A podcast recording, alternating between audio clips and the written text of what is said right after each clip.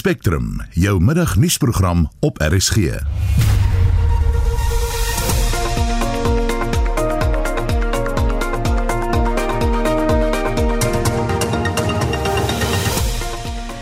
vandag se program Rusland se president Vladimir Putin waarsku teen inmenging van ander lande nadat missiele op stede in Oekraïne afgevuur is. Whoever tries to interfere with us, and even more so to create threats for our country, our people should know that Russia's response will be immediate and will lead you to such consequences that you have never experienced in your history.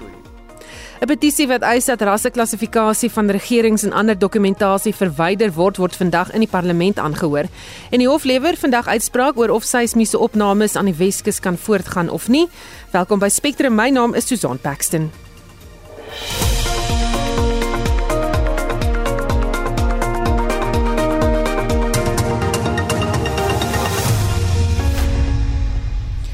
Dis naby kan 6 minute oor 12 jy luister na Spectrum en 'n petisie wat eis dat die woord brein of kleerling van alle amptelike kommunikasie van die regering, privaat ondernemings en die wet op gelyke indiensneming verwyder word, word vandag in die parlement aangehoor.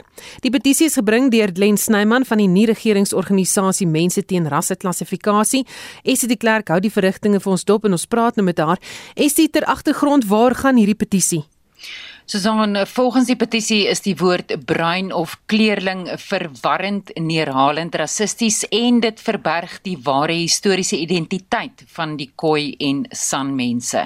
Snyman, wat 'n onderwyser van beroep is, voer in die petisie aan dat dit rassisties is om te dink dat die byvoeging van twee verskillende rasse 'n derde ras skep, naamlik die van bruin, of om te glo dat swart of wit suiwer rasse is. Nou die petisie voer ook aan dat die wet op gelyke indiensneming verwarring skep. Ja, Snyman sê die wet skep verwarring omdat die ras swart ook Afrikane, bruin mense en Indiërs insluit. In die petisie voer hy aan dat die term Afrikaan 'n versamelnaam is en dat dit elke Suid-Afrikaner insluit, ook wit en Chinese Suid-Afrikaners. Hy sê dit is slegs in die wet op gelyke indiensneming waar swart mense 'n versamelnaam word. Die rasseklassifikasiewet, die bevolkingsregistrasiewet van 1950, is op 27 Junie 1991 herroep. Baie dankie Estie. Ons bly by die storie en praat nou met Glen Snyman wat binnekort vir die komitee oor petisies en uitvoerende ondernemings in die parlement sal verskyn. Goeiemôre Glen. Goeiemôre Susan, goeiemôre aan die luisteraars. Wat presies wil jy hê moet hierdie parlementêre komitee hersien word? Ons wil graag hê hulle moet hier sien die benamings van die verskillende rasblokkies wat tans bestaan soos dit is dit is African kleurling Indiër en wit. Ons voel dat hierdie is nog ou aparte definisies en dat dit nie meer relevant is 800 jaar in 'n nuwe demokratiese dispensasie nie. Dit is nie akuraat nie en dit skep verwarring en daar was nog nooit vir die Suid-Afrikaanse volk gevra hoe hulle daaroor voel nie en wat hulle self genoem wil word nie. Hm. Jy eis dat die woord kleerling uit die wet en van alle amptelike kommunikasie en vorms van die regering en privaat maatskappye geskraap word. Hoe moet rasse voortaan geklassifiseer word?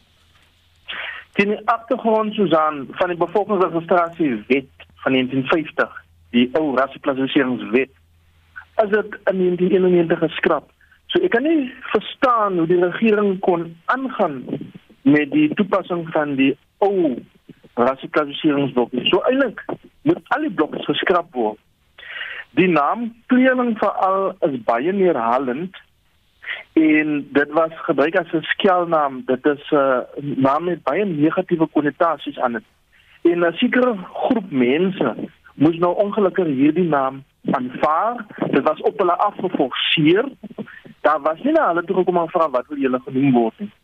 Veral vir die koi mense en die san mense hulle historiese identiteit word verbloem deur hierdie naam.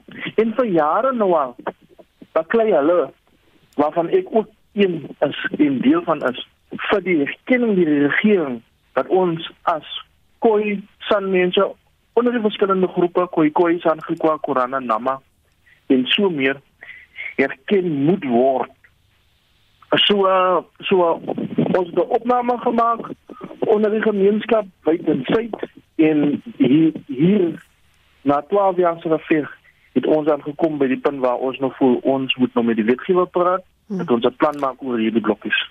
Baie dankie. Ons het gepraat met die stigter van die gemeenskaps-nie-regeringsorganisasie Mense teen Rasse Klassifikasie, Glen Snyman. Nou, ons wil by jou weet hoe voel jy oor die voorsitte gebruik van ras in ons samelewing? Moet dit geskraap word of behoue bly en waarom? Jy kan ons ook laat weet of jy ras gebruik om jouself te identifiseer. Stuur vir ons jou mening per SMS na 45889. Onthou SMS se kos R1.50 of stuur vir ons 'n WhatsApp stemnota. Is altyd altyd lekker om julle stemme te hoor na 0765366961. 0765366961. Ons wil by jou weet hoe voel jy oor die voortgesette gebruik van ras in ons samelewing? Moet dit geskraap word of behoue bly en waarom? Jy kan ons laat weet of jy ras gebruik om jouself te identifiseer. Ander hoofnuus van die dag: Die EU beskuldig die Russiese president Vladimir Putin daarvan dat hy oorlog teruggebring het na die kontinent. Dit nadat Rusland Oekraïne vanoggend van die noorde, suide en die ooste ingeval het. Marlene Forsie het meer besonderhede. Putin waarsku dat geen inmenging geduld sal word nie. Whoever tries to interfere with us, and even more so to create threats for our country, our people should know that Russia's response will be immediate and will lead you to such consequences that you have never experienced in your history. Die Oekraïense president Volodymyr Zelensky het intussen die volgende pleidooi in Russies aan inwoners van Rusland gelewer. Кто может этого не допустить? Who can stop this war? Люди. People. Если эти люди... And these people are amongst you, I am sure. Intussen staan verkeer uit die hoofstad Kiev botstil soos wat inwoners probeer vlug. In 'n video op sosiale media vra Zelensky egter vir kalmte. Russia has carried out strikes on our military infrastructure and on our border guards and border detachments. Explosions were heard in many cities of Ukraine. We are imposing martial law in all regions of our state. A minute ago, I had a telephone conversation with President Biden. The United States has already begun preparing for international support. We need you to be calm today. If possible, please stay at home. Die Amerikaanse president Joe Biden spreek die media later vandag toe oor die kwessie en die VN-veiligheidsraad het Oekraïne se ambassadeur, Sergey Kislitsa, vel uitgevaar teen sy Russiese eweknie. The Russian president declared a war on the record. Should I play the video of your president? You declared the war. It is the responsibility of this body to stop the war. Intussen berig die BBC se Sarah Rainsford dat sy saam met inwoners van Oos-Oekraïne wakker geskrik het van ontploffings. It was just before five o'clock this morning. The first explosion that I heard uh, jolted me out of bed uh, and jolted me up to watch a video of Vladimir Putin declaring war on this country. So it is extremely serious and it shocked many people here. Even last night, you know, we were in a town called Kramatorsk, very close to where I am now. There were people out on the square, there were lots of children there. They were wrapped in uh, Ukrainian flags, the yellow and blue national flag here, and singing patriotic songs. It was a kind of a bit of a show of defiance, I think think, uh, facing what they knew they were facing, which was a very difficult time ahead. But I don't think even at that point they were really expecting things to be quite so bad. Marlene Forsie is ikonies. Nou Solidariteits internasionale kommentator Jaco Kleinhans volg ook die gebeure daar. Goeiemôre Jaco. Goeiemiddag Susan. Mense wil amper vra waarmee is die Russiese president Vladimir Putin besig? Ja, Susan, dit is natuurlik wat wat onseker is want binne enkele dae het Rusland se posisie natuurlik dramaties verander. Uh Sondag wou Rusland nog gehad het dat die oorspronklike Minsk-ooreenkoms wat in 2014 bereik is geïmplementeer moet word. Teen Maandag aand het Putin gesê dat hy vredesmagte instuur uh om natuurlik uh die Russies gesinde provinsies van Donetsk en Luhansk in die ooste van Oekraïne te beskerm en nou is dit 'n volskaalse oorlog teen teen Oekraïne Oekraïne. So die Russiese agenda en Putin eintlik se agenda is onduidelik. Ek dink Rusland gaan geweldig geïsoleer word as gevolg hiervan, maar presies wat Putin se se finale doelwit is, daaroor kan ons sekerlik net spekuleer. Is hierdie nou 'n volskaalse oorlog of is net besig om die grense te toets? Ek dink nie meer so nie. Um, ek dink as jy vir my 'n paar uur terug nog gevra het, um, dan sou 'n mens getwyfel het op hierdie stadium is dit oorlog, uh, want daar is reeds honderde mense dood. Een berig uit die Oekraïne wat ek 'n paar minute gelede gelees het, sê dat meer as 1000 mense waarskynlik al dood is. Dis onseker, né? Maar daar's aanvalle op verskeie lughawens in Oekraïne. Daar's baie soldate reeds dood, uh, baie polisie dood. Uh, die polisie in Oekraïne is besig om aan uh, afgetrede soldate uh, vuurwapens op strate uit te deel. Daar's honderde duisende mense wat vlug na Pole, um, na Hongarye, na die grens met uh, Slowakye. Um, hierdie is duidelik nie meer net 'n 'n toets van wat wat volgende gaan gebeur nie. Dit is eintlik oorlog wat Rusland begin het en die groot vraag is of Oekraïne enigsins gaan probeer uh, om militêr uh, terug te slaan. Dit lyk vir ons op hierdie stadium duidelik dat uh, geen westerse land bereid is om militêr betrokke te raak. Dit vermoed ons in elk geval reeds vir maande. Um, uh, en en die dreigemente uit die weste bly maar dieselfde soort van dreigemente wat ons eintlik maar die afgelope tyd gehoor het. Kan Amerika byvoorbeeld bekostig om nou so ver van eie bodem te gaan oorlog maak? Wel uh, aan die een kant wel en aan die ander kant nie. Natuurlik het Amerika steeds die sterkste weermag in die wêreld, maar 'n verslag verlede week van die Heritage Foundation in Amerika wys dat die Amerikaanse weermag nog glad nie herstel het na die Irak en Afghanistan oorlog nie. As byvoorbeeld 'n tekort aan aan uh oorlogskepe, Amerika is tans um verdeel oor presies wat sy volgende uh globale prioriteit moet wees. Daar was 'n verskuiwing van fokus na Asië. Daar is steeds baie magte in die Midde-Ooste en dan het die FSA natuurlik baie soldate uh, in uh, Europa in spesifiek Duitsland maar ook in Italië en in Pole en in sommige van die Baltiese state. So ja, Amerika sal kan oorlog maak. Hy beskik oor die vermoë om oorlog te kan maak, maar hy beskik waarskynlik nie oor die vermoë om maklik 'n oorlog teen Rusland te wen nie en aan die ander kant is dit baie ongewild. Dit is die uh, die groot uitdaging uh, wat wat Amerika en Europese lande eintlik die hele NAVO het is is dat die burgery nie kan sien vir oorlog nie. Net 13% van Amerikaners sê tans dat dat uh, Amerika teen Rusland moet gaan oorlog maak. So dit is waarskynlik uh, uh, dat uh, dat daar net meer sanksies ingestel gaan word dat Rusland heelwat meer geïsoleer gaan word en op die oomblik lyk dit of Vladimir Putin bereid is om daardie prys te betaal. En China is byvoorbeeld ook baie stil.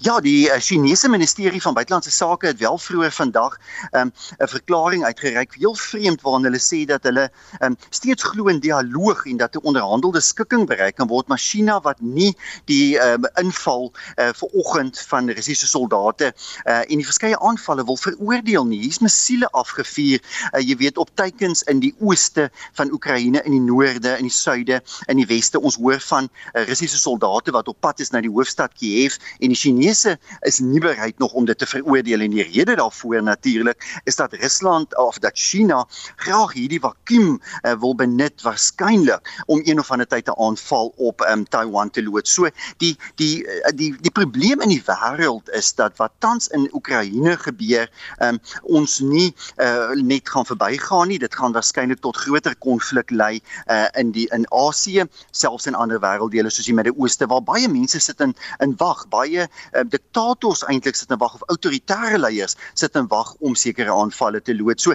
hierdie is waarskynlik die begin van van 'n groter um, onstabiliteit nie net in Oos-Europa nie. Is hierdie 'n toets vir die VN as 'n liggaam?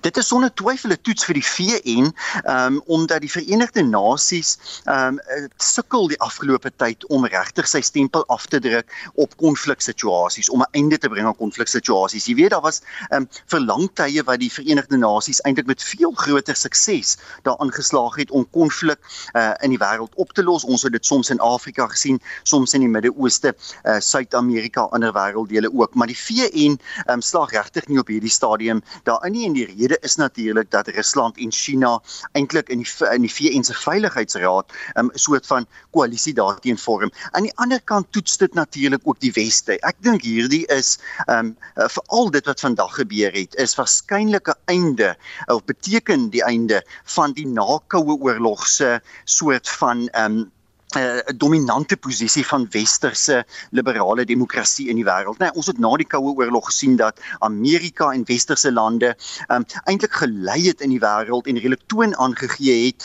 Um, en nou sit hulle met 'n krisis op hulle voorstoep in Oos-Europa waaroor hulle waarop hulle eintlik nie kan reageer nie. Hulle het eintlik nie die middele um, uh en die regtig die wil om om om te reageer nie. Die sanksies wat ingestel word um, is op hierdie stadium die soort van optrede wat wat Rusland heeltemal bereid is, lyk like my op die risiko wat hulle bereid is om te neem. Baie dankie, dit was Solidariteit se internasionale kommentator Jaco Kleinhans. Is in 20 minute oor 12 die kredietgraderingsagentskap Fitch sê alhoewel hy nie op of afgraderingsbeplan na die begrotingsrede nie, het Suid-Afrika meer beleidsekerheid nodig om die ekonomie te laat groei. Die minister van Finansies het gister sy begrotingsrede gelewer. Hugo Pinaar, 'n ekonom van die Buro vir Ekonomiese Onderzoek, sê dit is 'n realistiese begroting tesorie is nie optimisties of ek dink nie hulle is oor optimisties in terme van groei syfers nie. So hierdie jaar is die reële BBP groei rondom 2% en dan is dit onder 2 vir die volgende 2 uh, jaar daarna. En ek dink dit is redelik min of meer waar die konsensus ook is. So ja, ek dink dit is min of meer in lyn daar is nou geld om te spandeer. Is daar risiko's verbonde daaraan om hierdie beloftes van 'n begroting te maak op die geld wat tans beskikbaar is in hierdie ekonomiese klimaat? Ja, ek dink ek, ek verseker die jy weet ons het nou heelwat meer inkomste as verwag, maar tot 'n groot mate uh, kom daai beter inkomste van heelwat hoër kommoditeitspryse uh, goed soos uh, platinum, ystererts, steenkool. So ons mynmaatskappye op die oomblik is besig om baie groot winste te verklaar en dit natuurlik uh, spoel deur na hoër uh, maatskappy uh, belasting. Maar dit is nie duidelik hoe lank hierdie kommoditeitsiklus uh, gaan voortduur nie. So dit is definitief 'n risiko dat hierdie meevaller aan die inkomste kant um, dat dit nie gaan voortduur nie. Nou die tesorie verwag nie dat dit tot dieselfde mate gaan voortduur nie, maar hulle verwag tog 'n redelike mate van dat daar 'n deeltjie daarvan jy weet steeds met ons is oor die volgende 3 jaar. En soos jy sê, ons het nou heelwat meer, hoewel die inkomste is beter, maar die uitgawes net relatief tot November verlede jaar is die uitgawes oor die volgende 3 jaar nou iets soos 190 miljard rand uh, meer en ek moet sê daar is nou nog risiko's dat daai besteding nog meer kan wees. Byvoorbeeld die tesorie neem nie aan dat die spesiale COVID toelaag uh, permanent gaan raak nie. Jy weet hulle het 'n syfer nou in vir die volgende 12 maande, maar dan val dit uit die bestedingsraamwerk en ek dink daar's 'n goeie kans dat daai besteding permanent gaan word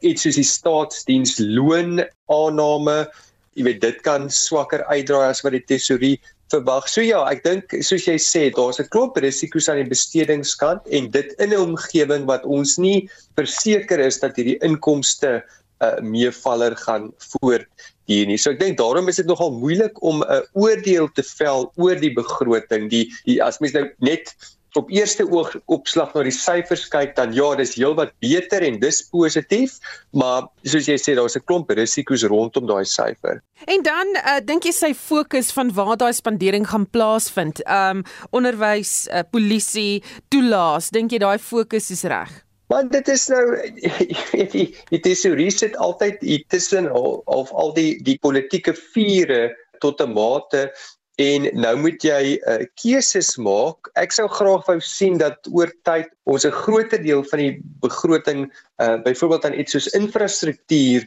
uh bestee en en minder aan sogenaamde lopende uh, uitgawes.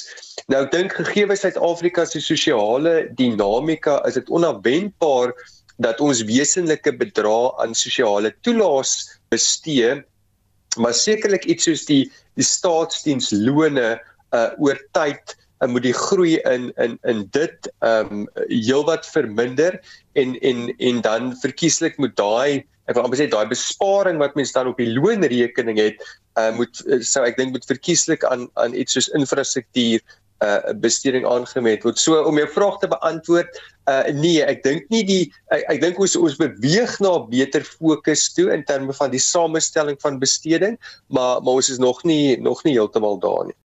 Dit was Hugo Pinaar, ekonom van die Buro vir Ekonomiese Onderzoek. Louis Botha, as senior vernoot belasting by Webber Wensel, verduidelik dat die verandering aan persoonlike belasting wat in die begrotingsrede aangekondig is, ten doel het om jou nie armer te maak nie vir Jan Alleman die begroting oor die algemeen goeie nuus ek in terme van die persoonlike inkomstebelasting tabelle het hulle die belastingkategorieë effens aangepas vir daai daar's hierdie interessante beginsel wat hulle noem bracket creep wat basies daaroor gaan die idee daar agter dat jy wil nie meer belas word van 'n hoër belastingkategorie opeindig bloot omdat jy ten spyte van die feit dat jy dieselfde verdien of wat jy dieselfde verdien in reële terme sodat jou geld jy weet waarde verloor in daai sin nie. So wat hulle doen is hulle die belasting uh, tabelle bietjie aangepas sodat jy met min of meer gelyk aan inflasie, dit is 4.5%. So as jou inkomste vermeerder het met plus minus 4.5%, gaan jy plus minus dieselfde belasting as van tevore betaal. So jou belasting gaan jou nie armer maak, as ek so kan sê. En dan wat mediese fondskrediete betref, of hoe werk daai? mediese fonds dit ook met met plus minus 'n bedrag van inflasie vermeerder so jy gaan 'n bietjie meer van dit ook van dit kan uit dit, ek weet dit maak nie so groot verskil noodwendig op die globale bedrag en so maar veral vir families en so aan gaan dit 'n positiewe verskil en en daardie bedrag is ook opwaarts aangepas ja. Het hulle nie aanvanklik gesê dat daai bedrag al minder gaan word sodat hulle later dit heeltemal kan uitfaseer nie? So daar was gesprekke gewees rondom dit wat waar dit hoofsaaklik gegaan het is oor die moontlike befondsing van die nasionale gesondheidsversekeringsplan. Maar daar dit lyk nie of daar veel daar is nie regtig iets gesê oor dit in die van die begrotingsrede en die begrotingshersieningsdokument voor hier regtig van dit gepraat hier. So, so op hierdie stadium blyk dit dat die verhoging word steeds 'n plek, maar ons moet moet sien dat daar kan 'n tyd aanbreek wanneer dit nie meer die geval is nie, maar so vir nou lyk dit asof asof die fokus verskuif het om individue se belastinglas te verlig eerder as om alreeds nou te gaan en daai te verminder. Jou algemene indrukke van hierdie begroting en al hierdie besluite wat belasting aanbetref? Nee, ek dink hulle was dit was redelik konservatief kon as, as ek dit sou kan stel. Dit tref jou nie as 'n as 'n begrotingsrede wat probeer om te ambisieus te wees te veel erin dit hy dit speel dit redelik veilig jy weet om om jou idee te gee byvoorbeeld die hoeveelheid belasting wat ingevorder is was plus minus 180 miljard rand of meer as waarvoor begroot is so 'n groot gedeelte van daardie fondse is byvoorbeeld aangewend om baie van ons internasionale of baie van die regering se skuldverpligtinge af te wendel en, en te verminder. So dis baie sinvolle benutting van fondse dan ook byvoorbeeld is daar as gevolg van die addisionele belastinginkomste kon hulle ook die die fiscal deficit 'n bietjie verminder sommige van die doelstellings wat laas jaar ingeset is nou ook meer haalbaar. So ek dink nie dit is 'n uh, nee, ek dink ek dink ek dink die begroting is is realisties en hy hy probeer nie te veel doen nie en dit vir die algemeen is dit bemoedigend en en vir vir belastingbetalers is dit ja, soos ek sê oor die oor die algemeen goeie nuus want geen verhogings reg nie selfs in die omgewing van koolstofbelasting, die carbon tax. Is dit ook aankondigings wat ehm um, vir al die besigheid en industrie sou verwelkom het. En dit was Louis Botha, senior vernoot belasting by Webber Wensel. Hier's wat jy, die belastingbetaler van die kwessie dink. Die minister kan maar vir die kinders meer gegee das. Baie wat nie inkomste het nie en daai geldjies al inkomste wat hulle het en hulle nog die kinders voorsien ook by die skool en so. Nee wat ek sou sê sê dankie vir hy R90 want ek weet in Zuma se tyd het ons so R20 gekry so hy R90 gaan ek nou werk maak en uh seelskoop dan sit ek met Kersfees met R810. Ek is bitter dankbaar vir daardie SASSA pensioen want dit is my enigste inkomste. R90 is nie baie geld nie, maar jy vergeet. Verlede jaar het jy R20 gekry. Ek het my vrek gewerk op die spoorweg vir 32 jaar. Ek is nou 22 jaar op pensioen en hulle gee my maar R2200 'n maand. Nou hoeveel moet ek dan nou nog kan spaar? Baie mense kan maklik praat van jy kon voorsiening gemaak het toe jy gewerk het. Maar met die salarisse wat ons verdien het terwyl hulle toegestaan en kyk het hoe ons werk, hoe kon ons voorsiening gemaak het? Nie nou van Sasselburg wat praat. Raak ons slaap van die unies.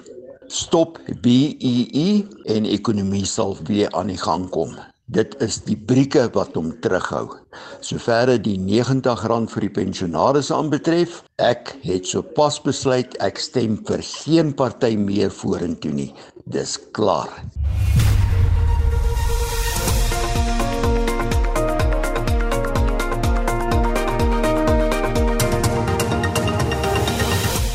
Half 1 in die nuus is huishoudings gereed om oor te skuif na digitale leerplatforms. 'n Verslag hieroor toon dat dit nie vir almal 'n opsie is nie. En opwindende veranderinge en 'n reeks nuwe programme word vir RSG beplan. Bly ingeskakel om alles daaroor te hoor net hier op Spectrum.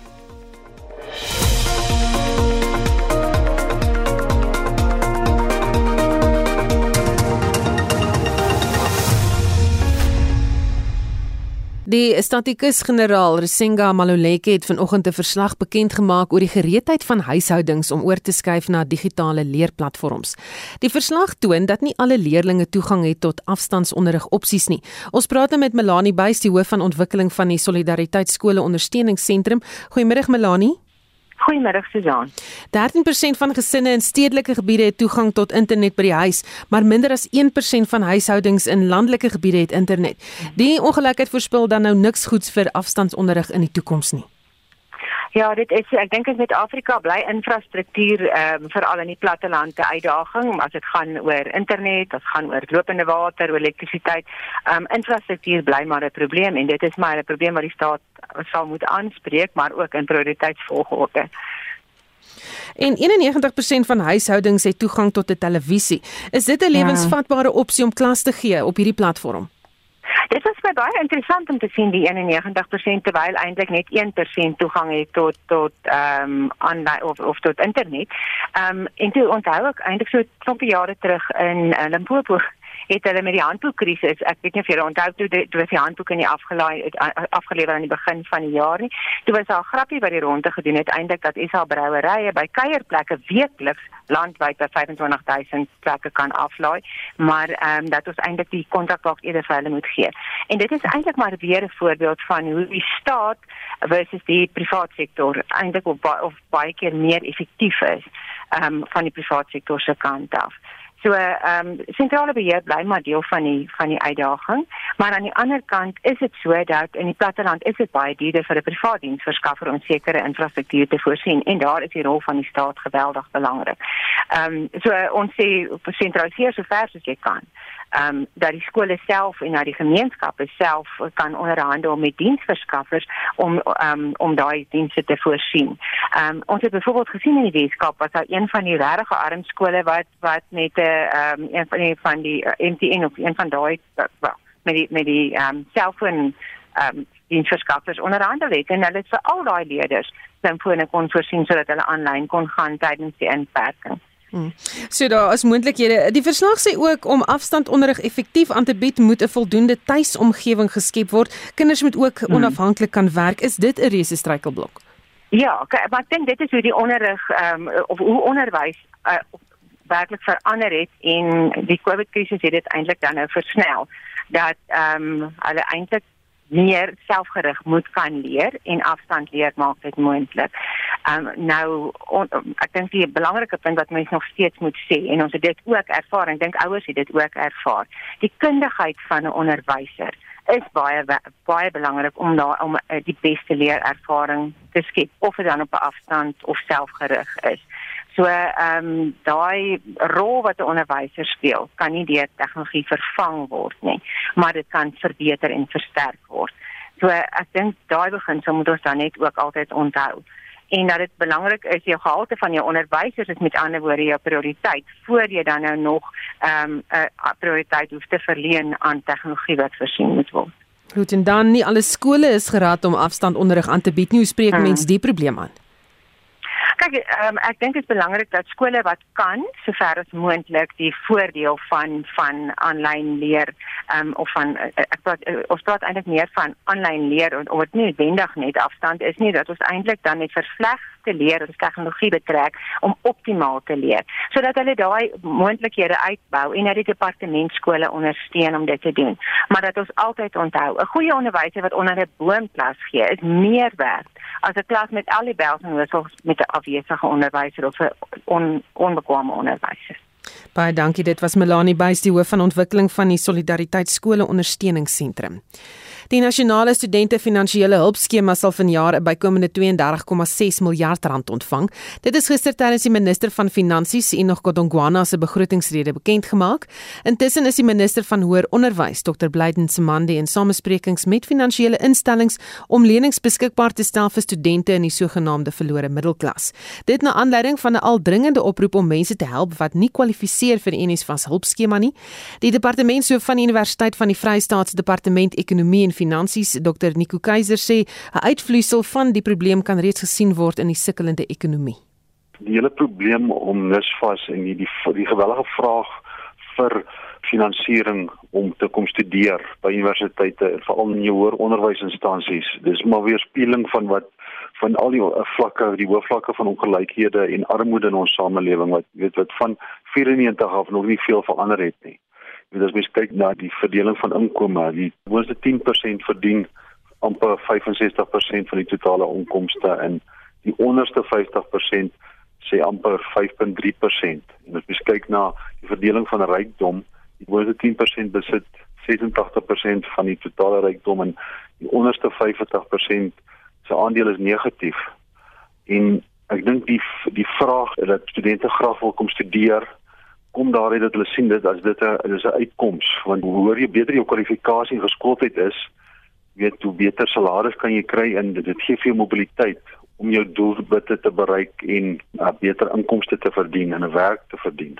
Maar nie almal kan gaan studeer nie en die land kort 'n klomp vaardighede. So moet ons dalk 'n ander benadering ook begin volg hieroor. As mens kyk na die hoeveelheid mense wat aansoek gedoen het vir die program, dit dit is vir al die NSFAS dis amper oor 700 000 studente. En uh meeste van die aansoekers is SASSA bevoordelaars. Dis amper 70% van hulle kry SASSA toelaag. Ek dink mens moet dit op 'n manier benader ook. Die Engelse praat van die missing middle. Die Afrikaans sê die verlore middelklas wat nie toegang het nou tot tot hoër onderwys of tot finansiering nie.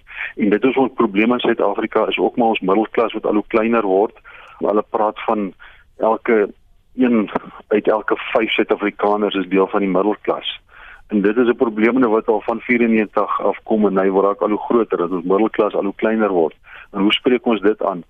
Daar is finansieringsgeleenthede, daar's daai ISFAP. Dit is vir studente wat grade wil studeer wat beskou word as kritiese vaardighede daar. So daar is finansiering vir daardie studente, maar ek dink mense moet dis 'n baie groot probleem mense moet 'n bietjie wyer moet kyk dis nie nodig om almal dat almal al die studente by universiteite moet kom studeer nie. Ons moet kyk na weet weer kyk na die terugbring van ons onderwyskolleges, ons tegniese kolleges, ons verpleegkolleges in 'n groter klem daarop op plaas dat studente moet weet dis nie net nodig om universiteit toe te kom om om 'n suksesvolle beroep te kan beoefen of te verkry nie. As mens nie na hierdie verlore middelklas omsien nie, seker maak dat daar ook vooruitgang is nie en geleenthede is nie. Wat kan gebeur, jy weet, met hierdie middelklas, met die ekonomie? Ja, ek dink dis dis nie wat kan gebeur nie, dis wat reeds gebeur het en dis is as ons ekonomie groei nie, ons van 94 as ons ekonomiese groei koers maar baie laag, ons werkloosheidssyfers is ontsettend hoog en dit het ek dink dit dra by tot hierdie groot vraag na befondsing vir studente om te kom studeer en die feit dat daar so hoë werkloosheid en die COVID pandemie daartoe bygedra dat werkloosheid toeneem En dit was Dr Nico Keiser, die departementshoof van Universiteit van die Vrystaatse Departement Ekonomie en Finansies. Die Hooggeregshof in Kaapstad gaan na verwagting vandag uitspraak lewer in die dringende aansoek deur die vissersgemeenskap om seismiese opnames aan die Weskus stop te sit. Die vissers sê hulle is nie in die saak geken nie en dat die opnames en moontlike ontginning van fossiel brandstof uit die see hulle voortbestaan bedreig. Drukgroepe het buite die hof betoog. Solien Smit, die voorsitter van die gemeenskapsgroep Coastal Links in Langebaan en Christo Neddens van die gemeenskaplike onderneming vir Suid-Afrikaanse kleinskaal vissers is van die wat betoog het. Die oseane behoort aan ons. Ons voorvaders het daar gevis. Ons kinders vis daar. Ons nageslagtes wil nog deel. Ons is net gewone vissers. Ons is tradisionele vissers wat gebore is langs die see, binne in die see en buitekant die see. En ek wil net vir Suspek sê, ons vaarskiele vandag, dit sal die laaste dag wees wat ons by mekaar sal kom. En ons is by mekaar. Ons is maar nog net 'n bietjie. Ons sal in hordes optree om op te tree teen julle. Want hierdie oseane het vir jare voor ek vir jare terug het dit begin met ons en dit gaan eindig met ons. Ons is vandag by die hof om te sorg dat die regter vandag die interim interdikt wat hy gegee het op die 7de Februarie vandag moet hy dit verander in 'n interdikt om search totaal en al te stop met die seismiese surveys wat hulle besig is om te doen in ons water. Dit is ons doel vandag en ons glo en vertrou dat ons vandag sal suksesvol wees. Amanda Abalowi. My naam is Walter Steenkamp. Ek is van Noord-Kaap uh, uit Port Nolloth. My lewensbestaan is uit die seewater. En die rede hoekom ons vandag hier is is om die gas en oil projekte wat het op ons seewater stop te sit. Want wat ek as 'n visser vandag ervaar, is dat daar op die einde van die dag geen sins meer 'n vis of 'n stukkie kreef in die seewater sal oorwees as hulle klaar is met die gas en olie. In die see is baie meer geld as wat op die land is en daar's baie meer werkskepping op die see. Dit is ons lewensbestaan wat hulle besig is om uit ons lewens uit weg te neem. So ja, dit beteken swaar kry vir die visserman voorkant toe. Dit dan stemme van mense wat betoog teen seismiese opnames aan die Kaapse Weskus. Gautengers gons die afgelope ruk op sosiale media oor die mooi sonsondergange wat oor die provinsie voorkom. Die lig is in diep rooi en perse getooi en maak die mooiste foto's, maar Professor Hannes Rautenbach, die dekaan van die departement van natuurwetenskappe by Akademia sê dit is eintlik gevaarlike ligbesoedeling. Dit lyk baie mooi. Ek weet daar selfs kunstenaars wat beelde neersit en dan hierdie mooi skynsel agter die beelde afneem, maar eintlik wat ons sien is 'n uh, ander partikels in die atmosfeer en hierdie ander partikels wat nie gewoonlik voorkom nie is natuurlik swaaldioksied die afkorting is SO2 en swaaldioksied is eintlik nie so 'n vriendelike partikel nie. Swaaldioksied in die eerste plek is 'n besoedelingspartikel en in die tweede plek is dit ook 'n partikel wat 'n mens se gesondheid kan aantas as dit in groot konsentrasies in die atmosfeer voorkom. So hierdie rooi skynsel was as gevolg van hoër konsentrasie swaaldioksied wat in die atmosfeer voorgekom gekom het. En soos ek gesê het, alhoewel dit baie mooi is, is dit nie noodwendig goeie nuus nie. Sal dit verduidelik hoekom ek meer nuus? Ja, definitief. Swaaldioksied in hoër konsentrasies is ook verantwoordelik sekondêr vir verhoor partikels in die atmosfeer. Uh, daar word na verwys as partikulêre materiaal 2.5 en hierdie partikel is bekend daarvoor dat hulle respiratoriese probleme veroorsaak, hoes, uh, neuswitloop en dit kan selfs longkanker uh, veroorsaak as 'n mens te lank daaraan blootgestel word. En waar sal dit dan nou vandaan kom want dit is eintlik besoedeling?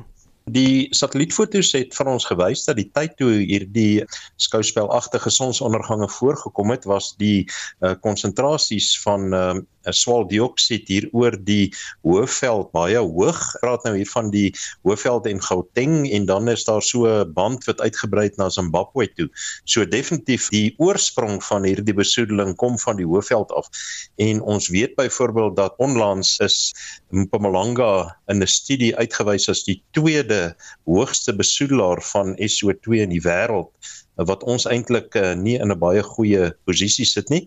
So hierdie was definitief weer so 'n vrystelling wat iewers op hoë konsentrasies vrygestel is en wat dan uh, hierdie uh, verskynsel veroorsaak het. Ons dan nou eintlik so paddas in 'n pot warm water. Ons weet nie hy word al warmer nie en ons gaan later kook dan met ander woorde nie. Ja, dit is nogal kommerwekkend. Die Suid-Afrikaanse Departement van Omgewingsake het natuurlik standaarde vir lugkwaliteit. So die uh, besoedelaars mag byvoorbeeld nie sekere perke oortree nie, maar ons weet byvoorbeeld dat hier in die Kriel omgewing is daar 'n brandpunt en dat daar al redelike uh, probleme was in selfs hofsaake tussen die uh, mense wat fossiel brandstowwe daar verwant. Ek kan maar regtig reguit sê dit is gevolg van elektrisiteitsopwekking en natuurlik ander fossiel brandstowwe ook. Maar uh, hierdie goed word dikwels oortree en uh, ek dink uh, ons sal in die toekoms dalk strenger moet optree want soos ek gesê het SO2 is 'n giftige gas en die mense wat in daardie gebiede bly kan nie wegtrek nie. Die mense word beïnvloed en op die langtermyn gaan dit nie goed wees vir die mense in daardie omgewing nie. Ons weet dat sonlig wanneer dit na ons toe kom hier op die aarde bestaan uit um, verskillende kleure lig. Dit wat ons sien, hierdie lig wissel van blou, uh, violet en tot rooi aan die ander kant van die spektrum. Nou die partikel suurstof en stikstof wat die meeste in die atmosfeer voorkom, versprei blou lig, lig in die blou spektrum terwyl die geel en rooi lig deurgelaat word. So in die laatmiddag wanneer die sonsondergang daar is, dan gaan hierdie ligstraal deur 'n baie lang deel van die atmosfeer baie meer van hierdie blou en violet word verstrooi en die geel en oranje en rooi kom baie duideliker deur. In hierdie geval het hierdie hoër konsentrasie swaldioksied egter veroorsaak dit selfs van die geel en oranje lig versprei was en dat ons baie meer rooi lig gesien het wat deurkom wat dan vir ons hierdie rooi sonsondergange gegee het. Dit was professor Hannes Rautenbach, die dekaan van natuurwetenskappe by Akademia. Die sake nuus word aangebied deur Chris Weemeyer, portefeuljebestuurder by PSG Wealth Pretoria Oos. Goeiemôre Susan, vandag is al die fokus op Oekraïne en die aanval uit Rusland uit en uh, markte wêreldwyd baie senuweeagtig. Ons sien vandag veral uh, die hulpbronne en goud en platina myners wat baie sterk vertoon, maar die res van die mark onder druk. Die algehele indeks tans 1,8% laer 73587. Die nywerheidsindeks verloor 5,3%.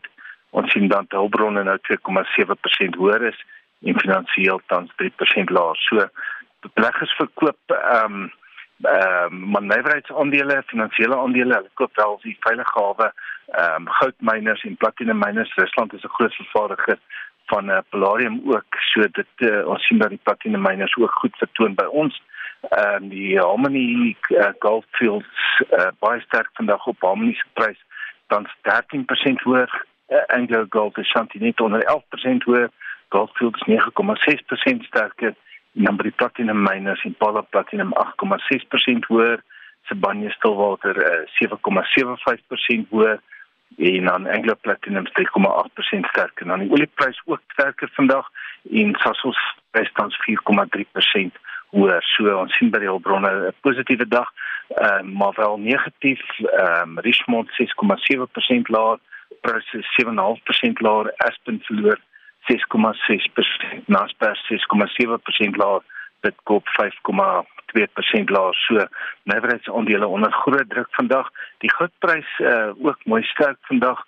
Ehm uh, hy verhandel tans ehm um, op hierdie stadium verhandel hy ehm um, net gekry op 1969 dollar per ons dis 3,35% hoër van gister af. Platinum ook 3,7% hoër op 1125 dollar per ons. En dan die Brent oliepryse op 105 dollar 29 per vat. Die rand uh, tans op 15 rand 25 vir Amerikaanse dollar. Die euro op 17 rand 4 en 'n pond kos 20 rand 46 en dan net laastens die markte in Europa ook onder groot druk in Londen die FTSE nou 3% laer, Frankfurt die DAX 4.5% laer en in Parys die kyk nou 4.3% laer. So maar 'n rooi dag in die markte. Ons volg maar wat uh, in Oekraïne op hierdie stadium aangaan. Dis al van my kant af vandag baie dankie Susan. Baie dankie. Dit was Chris Weemeyer, portefeuljebestuurder by PSG Wealth Pretoria Oos. RSG vier vanjaar sy 85ste verjaarsdag met verskeie nuwe programme en 'n paar veranderinge aan programtye.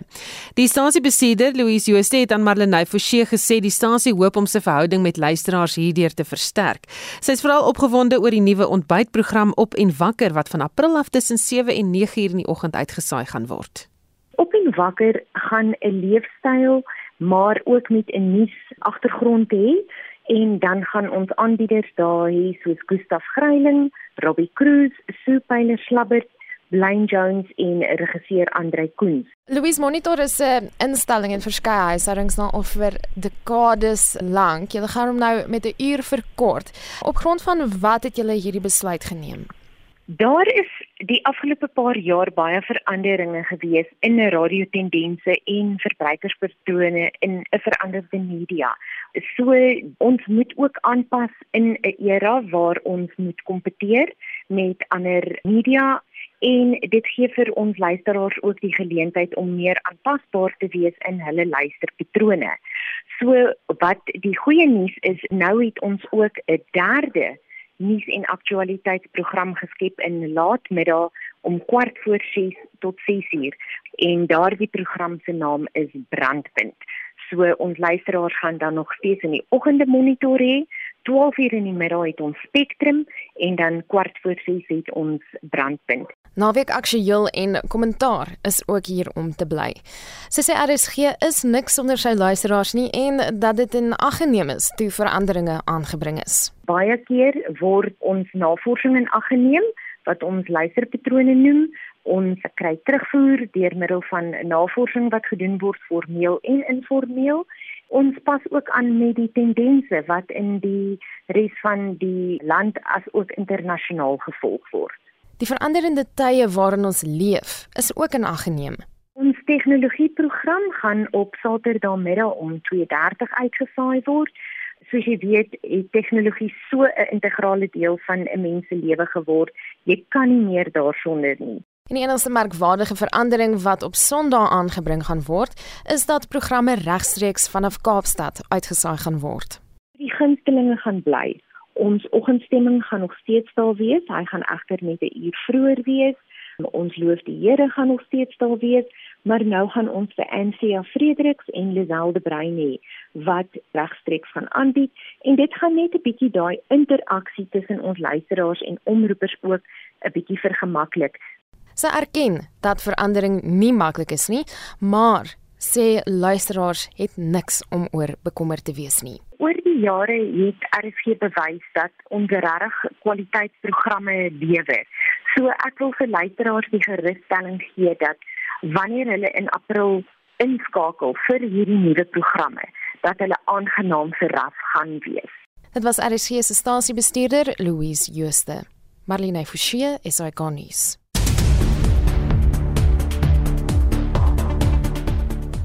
Nou ons het die afgelope uur berig oor verskeie stories wat die nuus siklus oorheers en almal se oë is op Oekraïne, Justin. Ja, die BBC het pas berig dat Russiese tanks in Oekraïne se tweede grootste stad, Kharkiv, opgemerk is. Dit is glo deur 'n amptenaar van Oekraïne bevestig en 8 mense is volgens berigte dood in vanoggend se missielaanvalle. Die president van die Europese Kommissie, Ursula von der Leyen, het die uh, sê dit is 'n donker dag vir Europa. We condemn this barbaric attack and the cynical arguments to justify it. It is President Putin who is bringing war back to Europe. And in these dark hours, the European Union and its people stand by Ukraine and its people. Dit is ook 'n storie wat ons derentyd dophou. En dan in plaaslike nuus, nege partye is nou deel van die koalisie in die Johannesburg Metro wat 'n meerderheid van 140 setels het. Die burgemeester van Johannesburg, Mpopalatse, sê die metroraad is opnuut daartoe verbind om vir minstens die volgende 5 jaar dienste te lewer. So, residents of Johannesburg, rest assured, we are here, we are committed, we are strong, and we are going to see this five years through as we give you back your city of golden opportunities. En 'n petisie wat eis dat die woord bruin of kleurling van alle amptelike kommunikasie van die regering verwyder moet word, word vandag in die parlement aangehoor. Glenn Snyman van die nie-regeringsorganisasie Mense teen Rasse Klassifikasie het vroeër met Spectrum gepraat. Die naam kleurling veral is baie neerhalend. Dit is 'n uh, naam met baie negatiewe konnotasies aan dit. Ons moet nou met die wetgewer praat, hmm. dat ons 'n plan maak oor hierdie blokkies. Ons herinner motoriste ook dat 'n gedeelte van die N1 Noord tussen Botawil en die R21 in Pretoria van 10:00 vanaand tot 4:00 môreoggend gesluit sal wees. Sal jy? Vraag net geweet vir ons daai vraag Justin. As jy Valentynsdag van vooraf kon hê, sal jy? Nee. Al inwoners van Ottawa in Kanada vier vanjaar Valentynsdag twee keer. Vragmotorbestuurders het op Valentynsdag 'n blokkade gehou by een van die land se besigste grensposte en verskeie paaie is ook afgesper. Nou die stadsraad het 'n eenparig emosie goedgekeur om Valentynsdag op 14 Maart vanjaar te herhaal omdat die hartvormige stad 'n bietjie liefde nodig het, sê 'n raadslid Matteo Fleury. Is die stad regtig hartvormig? Ek het ook dieselfde gevra toe ek die berig sien en ek het op Google Maps gaan kyk. Dit is inderdaad hartvormig. Die kurwe of die kronkel van die rivier vorm hierdie die die kronkel aan die bokant van die hart en dan is die grense onder uh, wat bymekaar kom vorm dan hierdie hartvorm. Hm, wat 'n fantastiese storie. Dit was ons verslaggewer Justin Kennerly. En daarmee groet die Spectrum span ook vanmiddag en uh, ons groet namens ons uitvoerende regisseur Nicoline de Wet, die redakteur Jamie Verhoef en produksieregisseur Johan Pieterse. Ek is Susan Paxton. Bly ingeskakel vir 360.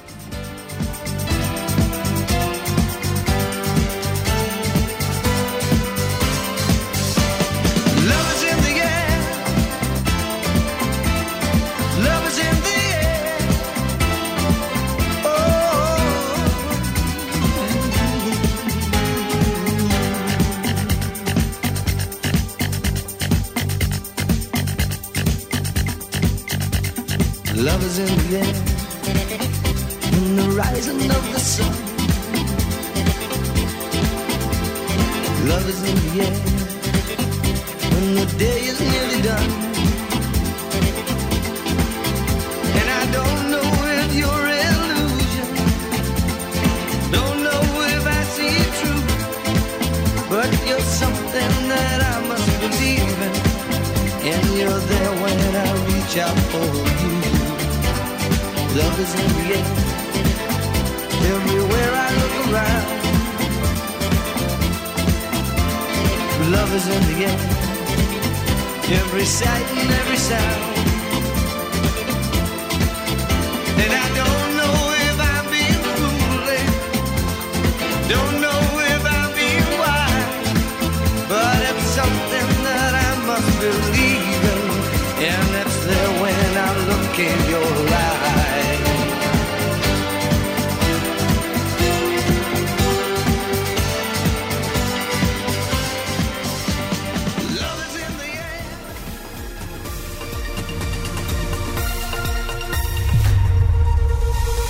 SAK nuus.